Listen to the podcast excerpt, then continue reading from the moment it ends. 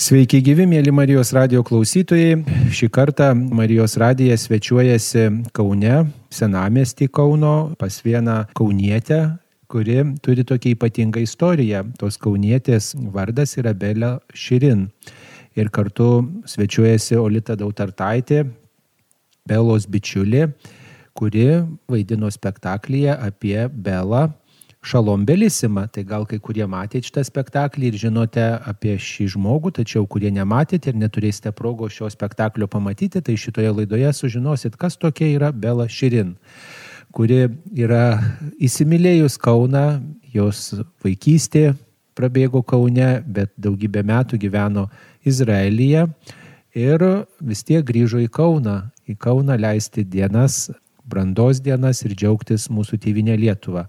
Galbūt galėtumėt prisistatyti, mėla Bela, tiems, kurie jūsų nepažįsta. Labą dieną, mano vardas Bela. Ir daugumai žmonių, kurie sutinku, aš prašau nevadinti manęs nei gerbama, nei ponė. Aš esu tiesiog Bela. Visiems ir visų. Ir aš gimiau ir augau Kaune. Ir po daugelių metų ilgėjausi, nusprendžiau palikti viską ir grįžti namo.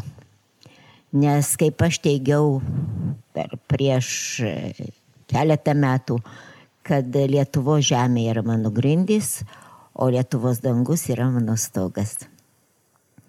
Aš nesėdžiu namuose, bet įsijungiau į veiklą ir esu viena iš ambasadorių Kauno Europos kultūros sostinė ir taip pat visuomeninkė. Ir čia man teikia didžiulį malonumą kažką tai dar spėti, iki kol gyvensiu ir tikiu, kad ilgai, spėti duoti kažką, ko aš tiek metų negalėjau duoti savo tėviniai ir, ir jos žmonėms duoti dabar, iki kol būsiu gyva. Kaip Jūs galvojat, koks yra pagrindinis Jūsų gyvenimo tikslas ir kokia užduotis dabar? Pirmiausia, mano vienas iš pagrindinių tikslų yra suartinti tautas. Ir ne tik tai žydus ir lietuvius, bet visas tautas, kurie atvažiuoja ir kad pažintų daugiau Lietuvą ir Kauną. Nelabai lengva, bet po truputį juda. Kaip sakoma, ledas tirpsta, nes aš pasakoju visur tiesą ir čia ir Izraelį, kad man labai skaudu, kad vadina lietuvius, kurie yra ir mano tauta, vadina žydšūčiais. Todėl aš turiu daug faktų, kurie paneigia šitą teiginį. Ir galėsiu viską papasakoti jūsų gyvenime, jūsų šeimos gyvenime nutiko įvairiausių stebuklų, tokių didelių stebuklų, kaip per, galima sakyti, atsitiktinumą, per plauką žmonės išsigelbėjo, jūsų tėvas ir, ir jūsų šeima.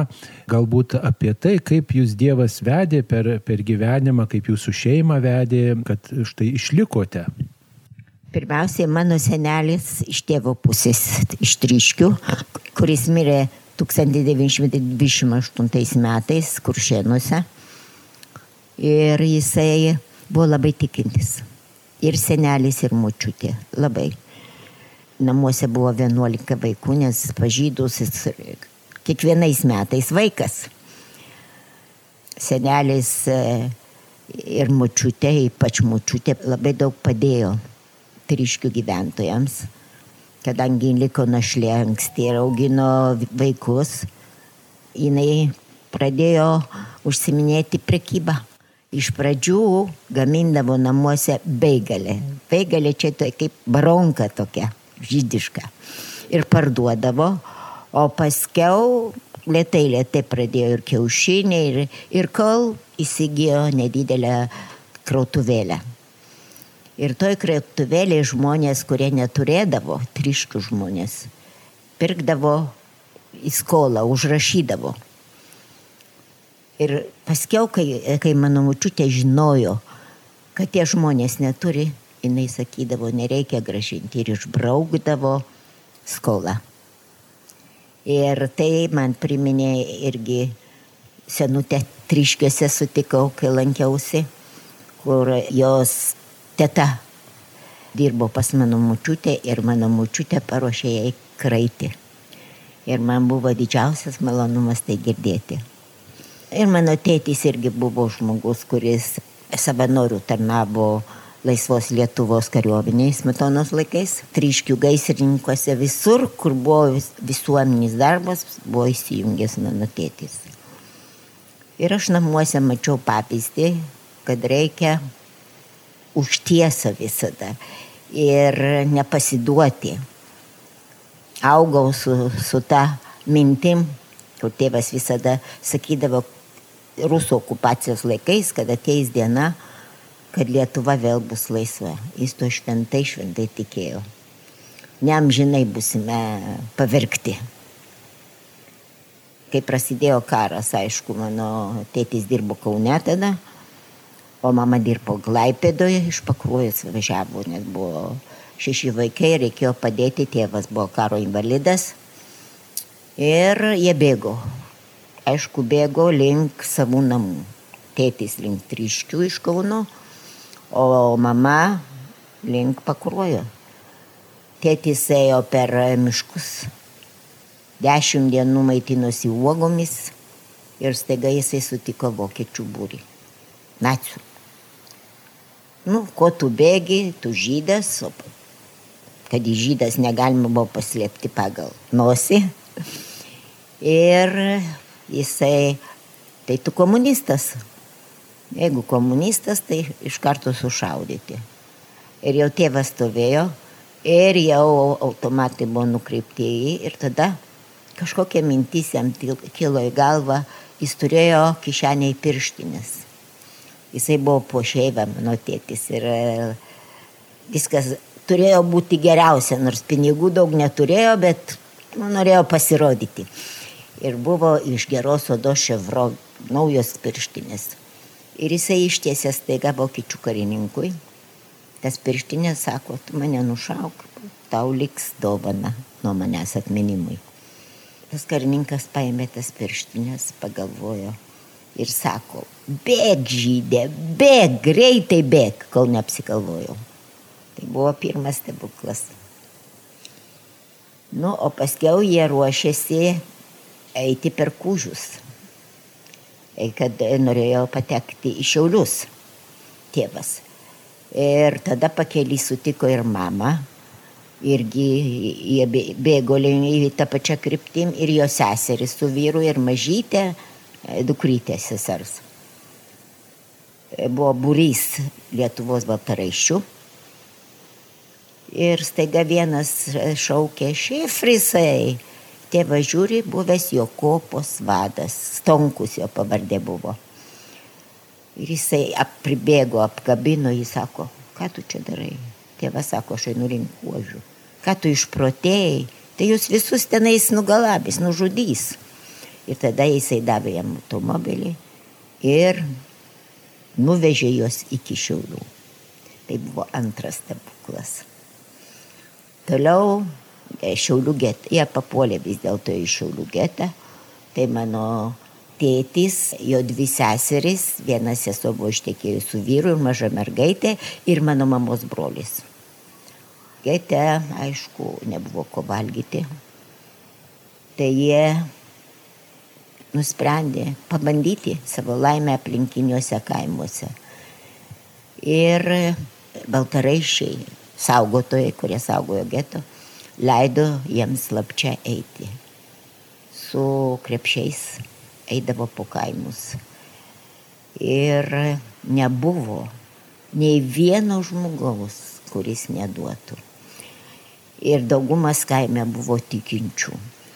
Tai kai jie eidavo ir dalindavosi su jais paskutinių kasnių viską, ką turėjo. Ir paskiau klaupdavosi ant kelių ir melsdavosi, kad išliktų gyvi ir verkdavo. Tai čia yra mano mamos ir tėčio pasakojimai. Ir tie visi žmonės buvo teisuoliai, nes jie rizikavo savo gyvybę už pagalbą žydui grėsė mirtis. Ir tada gete mano dėdė, tėtos vyras išgirdo, kad ruošiasi vaikų akcijai išvežti visus vaikus.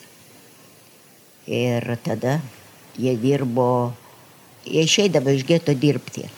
O jų darbdavys buvo iš tryškių mano tėčio vaikystės draugas.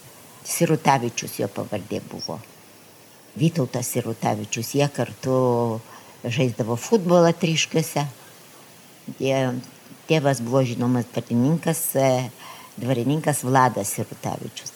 Jis turėjo savo plytinę. Toj plytiniai dirbo daug ir žydų, ir lietuvių. Ir viena šeima lietuvių, Grigalaičiai, kurie susipažino su jais ir mano dėdė pasidalino baisių nerimų dėl dukrytės.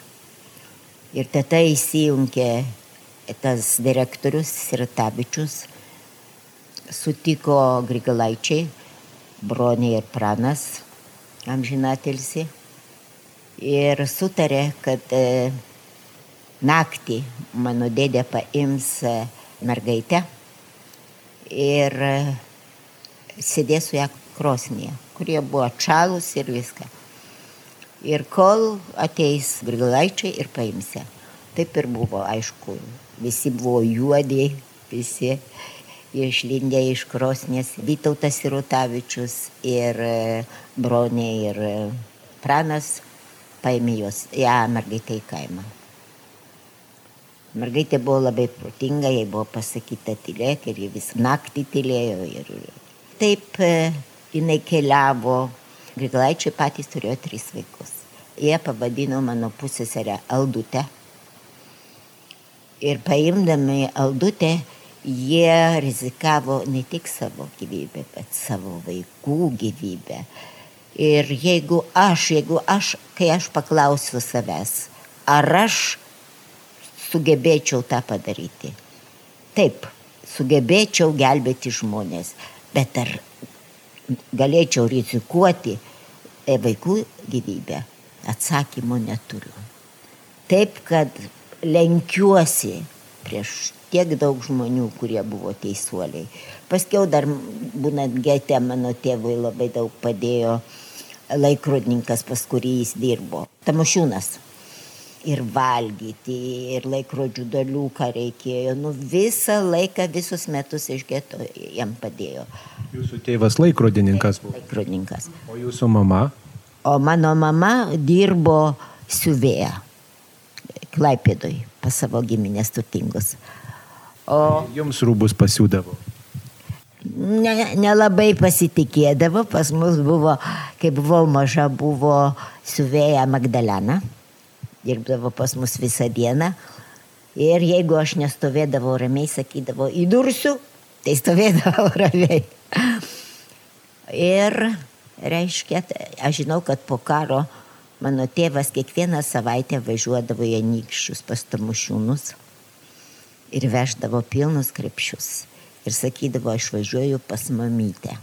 Tamušiūnė jis vadino mamytę. O tai kad tiek daug padėjo jam.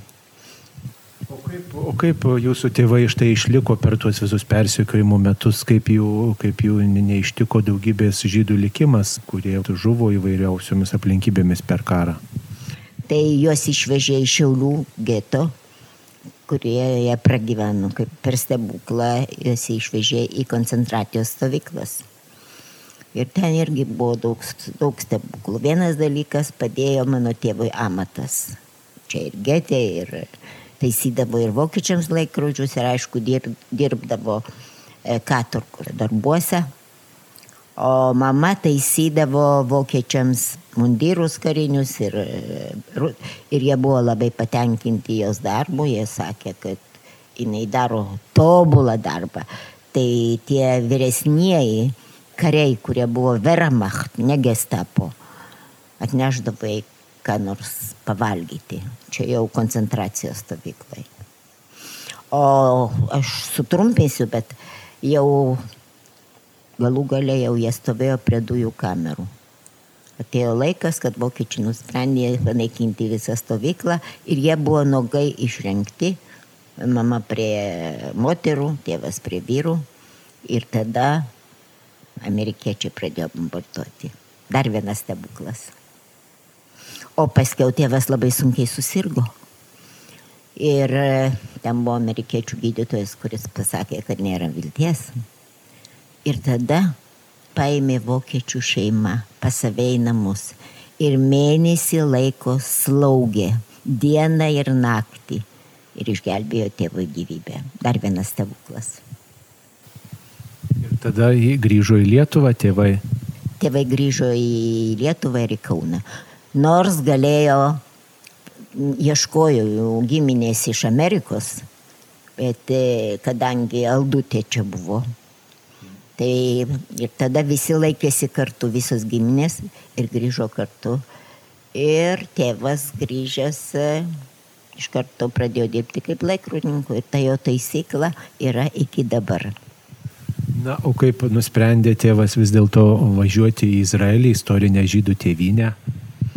Tėtis sakė, kad aš praėjau, praėjau getą koncentracijos stovyklas, bet e, čia aš turiu pas okupantus dar vieną koncentracijos stovyklą.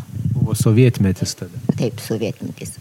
Negaliu kalbėti ir tada aš dar buvau mažas vaikas, prasidėjo kalbos, kad tas budelis Stalinas nori išsiųsti visus Lietuvo žydus į Sibirą. Jau buvo paruoštas planas. O tėvas sakė, tėvas pasimeldė ir sako, aš žinau, kad bus dar vienas stebuklas. Ir jisai nesulauks to padaryti. Ir tikrai atsitiko didžiulis stebuklas. Prieš įvykdant šitą. Čia buvo Purimo šventė. Purimo šventė tai kaip e, viena moteris, reiškia, išgelbėjo Babilonę, išgelbėjo žydų tautą kur karaliaus patarėjas žiaurus norėjo įtikinti karalių juos nužudyti. Ir turėjo ateiti tą šventę. Ir kaip tik prieš tą šventę pastipo Stalinas. Jau tėtis įgyjo drąsos ir sako, reikia važiuoti į Izraelį. Aš taip negaliu daugiau nieko nekalbėti, visko bijoti, laukti, kad kas nors pasakys kokį žodį, ką aš sakiau ir išveš į Sibirą. Ir pradėjo paduoti prašymus, kad važiuoti, tėvas turėjo ten giminių ir mama. Ir nori susijungti su šeima. Septynis metus truko. Kai aš paaugau, aš pradėjau rašyti laiškus irgi rusų kalboje rašydavau į Maskvą. O paskiau tėtis prie Kremliaus padarė, aš nežinau, jis buvo tikrai bebaimis bado straiką. Sėdėjo prie Kremliaus ir nieko nevalgė. Žodžiu, gavom leidimą. Kiek jums tada metų buvo, kai išvykote į Izraelį? 17. O, tai nebuvo gaila palikti Lietuvą, vis tiek čia įsišaknyjus, mokat kalbą, draugai, čia jūsų, kaip sakant, jaunos dienos prabėgo. Labai gaila, labai. Gailėjausi, labai ilgėjausi labai savo draugų ir susirašinėti nebuvo galima. Ryšys visai nutrūko. Iš vienos pusės norėjau laisvės, nes žinojau, kad yra, mano tėtis klausydavo slapta Izraelio radijo ir pasakodavo, kad yra laisvas pasaulis ir visa kita. Ir žinojau, tai iš vienos pusės norėjau laisvo pasaulio, bet iš kitos pusės labai ilgėjausi savo Kaunu, nes man Kaunas buvo nuo vaikystės pasaulio ašis. Atsimenu, suaugusiai kalbėdavo apie New Yorką, nuostabus miestas, ten pasaulio ašis. Sakau, man Kaunas visada yra ir bus pasaulio ašis. Taip ir liko iki dabar.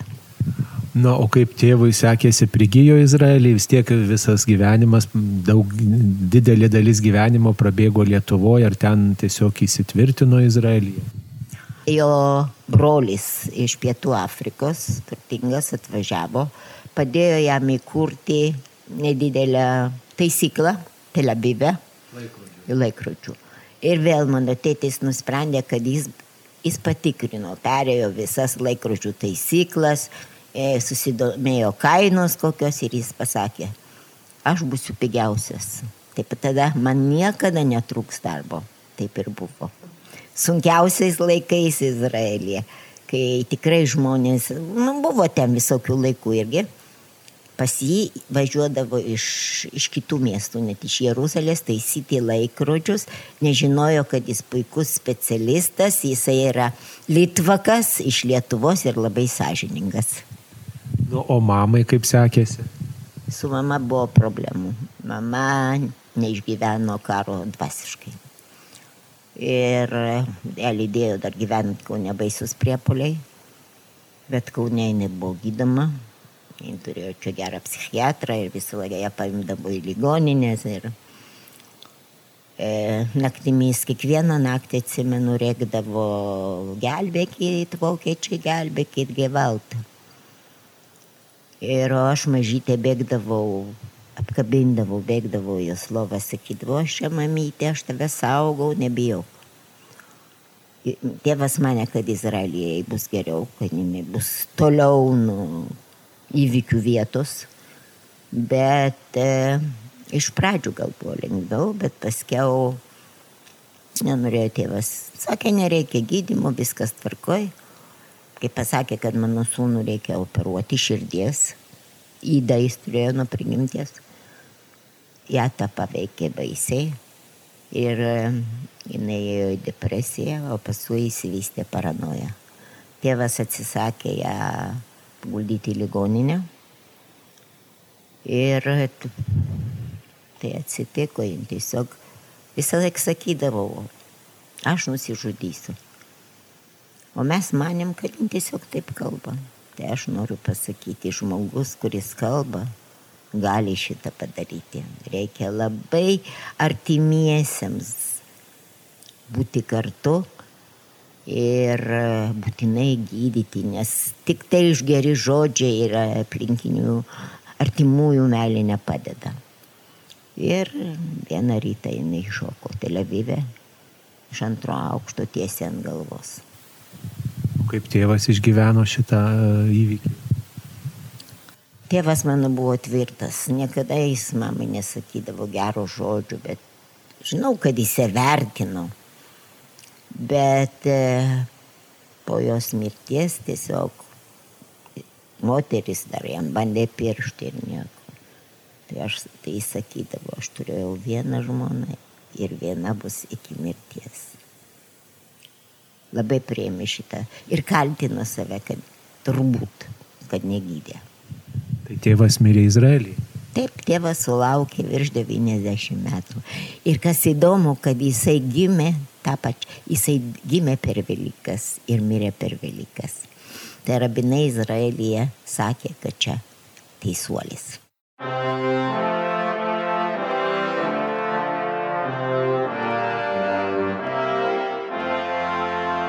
Čia Marijos radijas.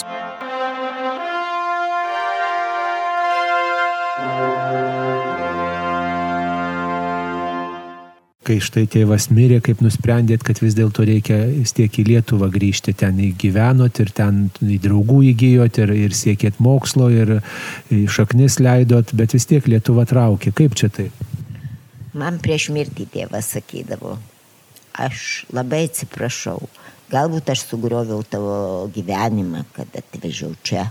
Gal tau Lietuvoje būtų buvę geriau, dabar ir laisva Lietuva. Nes jis mirė 2004 eurų. Sulaukėm to šventės, kurią šventėm, kai Lietuva tapo laisva. O jis nenorėjo grįžti į Lietuvą, kai Lietuva tapo laisva? Ne, jisai negalvojo, nes jis jau sirgo vėžių.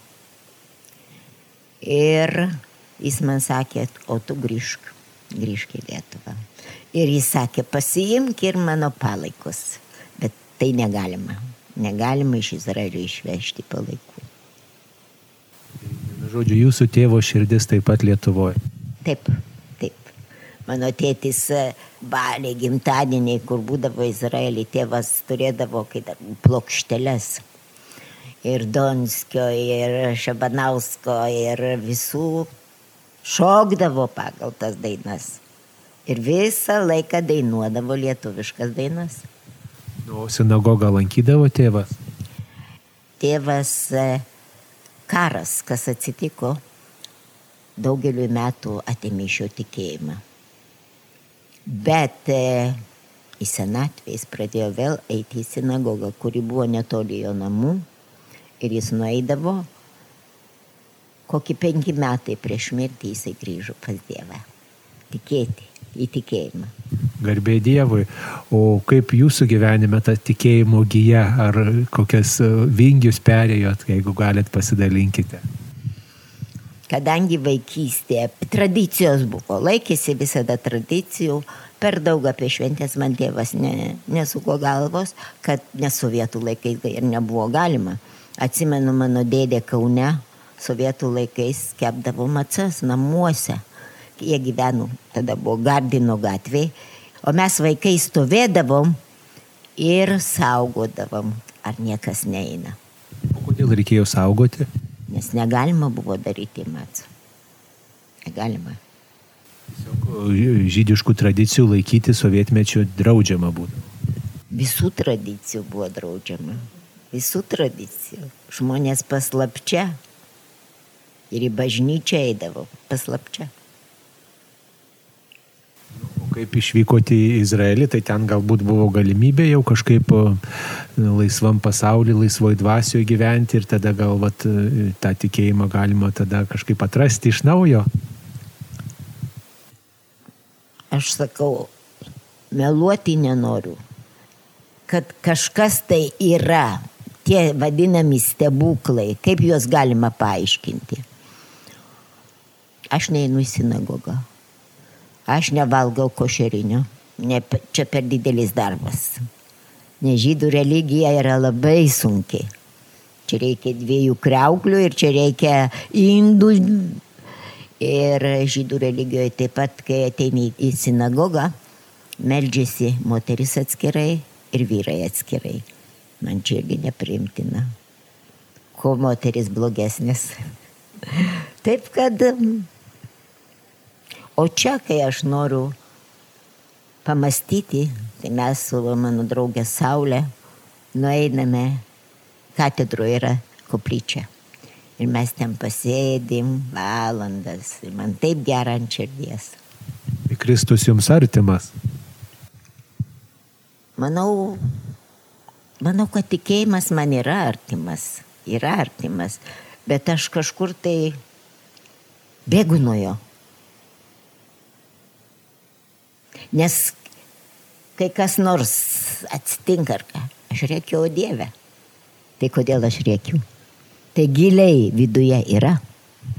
Vis tiek, žinot, jūsų istorijoje tai stebina tas grįžimas į Lietuvą. Kaip bebūtų, reiškia vis tiek žmogus įleidė šaknis Izraelį, laisvam pasaulį, ten yra ir jūsų šeima, ir jūsų sunus, ir jūsų anūkės, ir, ir jūsų draugai, ir, ir tiesiog vėl gyvenimas tiesiog išsiskleidęs, štai tėvas mirė, tenai palaidotas ir, ir atrodo ten gyvenk ir džiaugtis, o čia Lietuva vargo žemė, nu taip, vaikystė prabėgo, bet kodėl vat, grįžti ir kas čia traukia jūs į Kauną, grįžti ir čia praleisti savo brandos dienas? Tai yra jėga, kuri yra stipresnė už mane. O tokio nusivylimo nebuvo grįžus, kad čia štai grįžau, o ten vat laisvasis pasaulis, o čia vėl ir dar to sovietmečių kai kada kvepia ir tie dar galbūt kažkokie ir priekaištai, ir dar kažkas nesvetingumas čia jūsų ne, nekamuoja. Neturėjau šito, nesu at, atvirkščiai.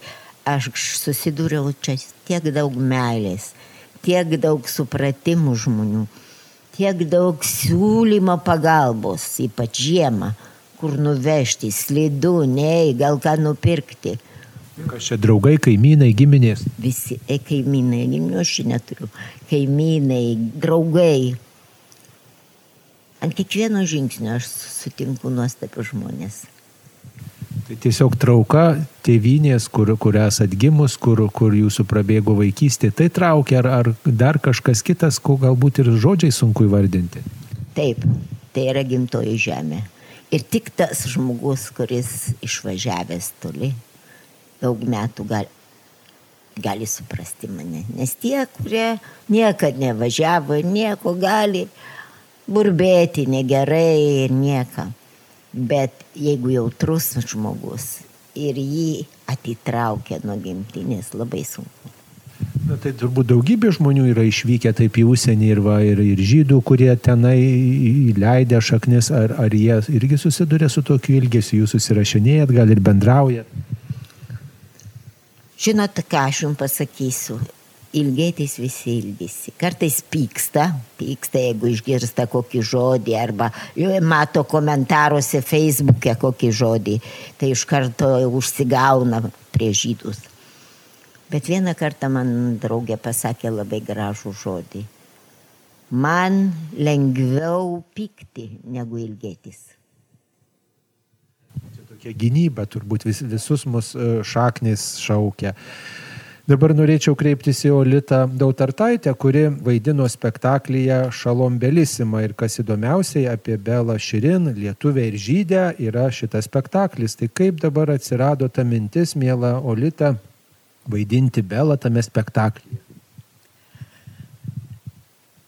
Klausausi dabar Belos pasakojimų ir, ir virpa širdis prisiminus viską, kai mes repetavom, susitikom premjeros spektaklį. O, o buvo taip, kad aš panevežį vaidinu Miltinio teatre ir man paskambina Inna Pukelytė ir sako, ar mes negalėtumėm jūsų pakviesti suvaidinti e, Belos e, biografijos, atverti scenoje Kaune, teatro klube Ir tada aš iš karto pasakiau, kad aš norėčiau žinoti medžiagą, scenarijų, koks jis sako, mes jį turime, aš atsiųsiu jums, atsiuntė ir kai aš perskaičiau, mane labai paveikė Belos širdies šviesa, Belos svajonė, praėjus pragaro vartus Izraelyje. Vis, jau va, papasakojo, man dabar irgi viskas kažkaip atsigamina, kad ne ko neveikia, neturi kažkokio negatyvo, o kalba apie tuos, kurie gelbėjo, kalba apie tai, kad jai buvo blogai Izraelyje kad jinai taip pat buvo depresijoje ir kad jos troškimas, jinai pagalvoja apie apie Lietuvą, apie Kauną, apie Laisvės alėją ir, ir širdis plasda ir vėl vat ateina tas stebuklas, kuris, kuris ją čia ir atvedė. Tai tikrai gal sužavėjo tas troškimas grįžti į Lietuvą. Jeigu būtumėt negryžus turbūt į Lietuvą čia praleisti savo brandos dienų, tai turbūt ir nelabai būtų susižavėję jūsų biografija, ar ne taip? Dar jau kai pradėjau dar e, gal galvoti, kad aš grįšiu į Lietuvą. Aš jau pradėjau galvoti, kai Lietuva gavo nepriklausomybę. Tai čia tėtė susirgo vėžių, tai čia e, sunus vedė, tai vieną nukę reikėjo, tai antrą reikėjo. Nu, bet po tėčio mirties aš jau žinojau, bet visus metus aš sakydavau, Lietuvoje bus spektaklis apie mano gyvenimą tai visi pasakė, kad aš išėjau iš proto. Kam reikalinga tu ir kam reikalinga tavo biografija. Sapnuok. Visą gyvenimą skraidžioji debesyse, sapnuok ir dabar. Nusivilsi žiauriai. Dar, dar Belačka pasakyk, kad tu, tugi aktorė norėjai būti, tu vaidinai ten, tai todėl, dėl to. Jo. O tai papasakokit apie savo profesiją. Kokią profesiją pasirinkot visada ir muzikė norėjo būti ir, ir prie meno sukotės. Aš baigiau, aš čia mokiausi Jozo Gruodžio muzikos mokykloje ir Izraelė muzikos akademijoje. Bet aš žinojau, kad mano rankos buvo neužtektinai tinkamos atlikti, būti gerai pianistė, mažos O bet kokią pianistę nenorėjot būti? Ne, nenorėjau. Vidutinė tikrai nenorėjau. Ir e, tada, reiškia, e, aktorę sapnavau visada dar nuo vaikystės, bet aš buvau storulė. Aš buvau storulė. Mane vadino pienišką bulkutę. Ir todėl man reikėjo užmiršti, kad aš galėsiu kada vaidinti. Bet kai atvažiavau į Izraelį ir padariau dietą ir pasidariau, pasijutau gerai ir tada aš vieną kartą skaičiau poeziją. skaičiau Jeftušenko įdiš kalbo išversta Babijar.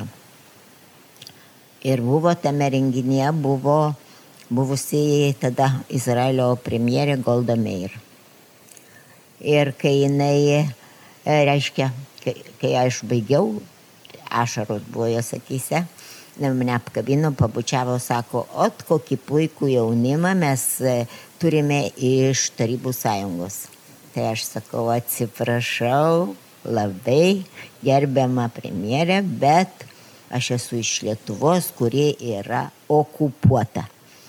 Tai nusišypsojo ir sako, nu jeigu tu būsi Izraelio patriotė, kaip Lietuvos esi, tai mes laimėjom.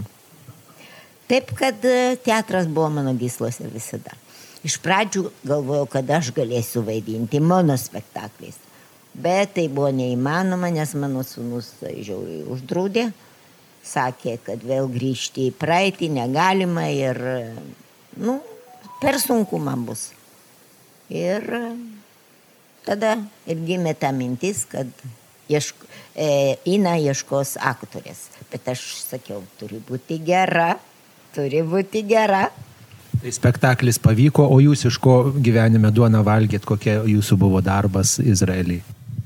Aš dirbau bankuose, nors pinigų nemėgstu, bet tai, tai buvo vienintelė vieta, kur galima buvo uždirbti. Ir buvau investi, finansų patarėja, investicijų patarėja. Tai čia buvot geriausia. Sakyti tiesą, kad nebaigiau nieko. Nebaigiau, gal kokį kursą praėjau, tiesiog man buvo neįdomu. Bet aš kažkokia intuicija, kažkas sakydavo, kur įdėti pinigus, kur kils. O buvo laikas, kai Izraelė kur paliesdavo, ten ir kildavo su, kaip balionas buvo birža e, su vertybiniais popieriais. Tiesiog sekėsi ir žmonės buvo laimingi, o aš nieko nežinau ir mane vadina geriausia. Sakau, gal kažkoks stebuklas dar vienas. Va, jūsų gyvenime daug tokių stebuklų ir laimingų istorijų. Dar e, staptelkim ties to klausimu, kaip sutaikinti lietuvius e, ir žydus, lietuvių ir žydų tautą, nes e, kasmet, kai minime holokausto dieną, kai daug žydų yra žuvę, žuvę tėviniai Lietuvoje, žuvę už jos ribų, yra prisimenamos tos nuoskaudos ir taip pat kai kurie lietuviai prisimena, kad galbūt ir, ir, ir žydai kažkaip nuskriaudė vienai par kitaip. Kaip vis dėlto reikėtų sutaikyti lietuvius ir žydus ir, ir, ir kaip kokios čia nuostatos reikėtų laikytis? Aš manau, kad turi važiuoti daugiau vienas pakit, ypač šeimomis susitikti organizuoti tokias šeimų ekskursijas iš ten į čia ir iš čia į ten, kur viešėtų šeimuose, tada galima labiau suartėti. Nes aš žinau, mano šeima susipažino čia su mano vaikysės draugėmis ir sužavėti. Jie ryšį ir mano, mano pusėserė visą laiką klausia. Labai nedaug gali susikalbėti su Raida, nes mano pusėserė Ne, mano pusėserė ta. Maldutė, tai čia Kaunas buvo jos gyvenimas. Bėgdavo čia du kart į metus. Bet e, mano pusėserė iš Izraelio, kuri išvažiavo iš Lietuvos, jai buvo septyni metukai. Tai jinai ne rusiškai moka. Lietuviškai buvo Kaune ir iš karto pradėjo pagauti. Tai su Radai buvo sunku susikalbėti, bet susidarė toksai ryšys, toksai ypatingas ryšys. Taip kad kuo daugiau susitikti ir kalbėti apie nuoskaudas, apie praeitį, viską reikia kalbėti. Nors dabar yra tokių, aš sakau, yra čia pasisakymų antisemitinių, kažkur tai būna, matau Facebook'e, komentaruose. Tai aš sakau, dievulio mano, čia yra tik 3000 žydų visoje Lietuvoje. Žmonės nepažįsta gyvenime, nesutikė ne vieno žydo ir jie gyvena pagal legendos, kur girdėjo iš mučiutės ar iš, iš kažkur. Tai turi daug, nu, žydų bendruomenė, manau, daro, ką, ką gali, kad susitikti, kad viską, bet vis tiek. Tai mūsų spektaklis daug davė šitam, kur važiavom.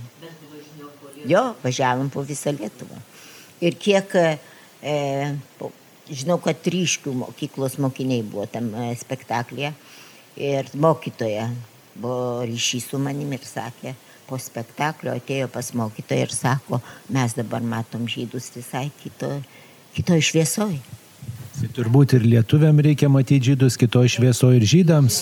Kaip padaryti, kad e, nu, tarp tų žmonių būtų daugiau gerumo, kad vat, mes mažiau kritikuotume, mažiau menkintume vieni kitus, bet žiūrėtume, kaip galima padėti, kaip galima išeiti surasti, kokios čia reikėtų laikytis nuostatos ir lietuviams, ir žydams, pavyzdžiui. Nu, e, aš manau, kad čia reikia auklėjimas čia ir nuo mokyklos, ir nuo tėvų svarbiausiai. O jūs tėvai taip auklėjo? Taip, taip, taip mane. O savo sūnų irgi taip auklėjo? Taip, mano sūnus ir mano anukės, visi tokie patys. Nu, tai gerai, tai dar gerumas pasaulyje nepražus. Nu, Būt galim linkėti, kad visi, kurie e, išvykę iš Lietuvos, nu kažkaip e, susigražintų tą meilę Lietuvai ir norėtų grįžti į savo kraštą ir, ir perduotų savo šaknis ir savo istoriją saviškę. taip. Ir dar žinot, kas yra labai geri e, Lietuvos ambasadoriai Izraelėje. Tai yra Izraelio studentai, kurie čia mokosi daugumą medicinos universitete. Ir kai jie baigia mokslus ir išvažiuoja į Izraelį, jie yra geriausi Lietuvos ambasadoriai. Taip, tai svarbu mums mūsų tėvinę Lietuvą mylėti ir jos žinią skleisti per pasaulį. Tai ačiū, mėla Bela, kad jūs mus priemėt ir e, gyvokit ilgus metus ir skleiskit e, tuos taikos ryšius tarp Lietuvos ir Izraelio. Ačiū Jums. Ačiū Jums ir būkite visi palaiminti.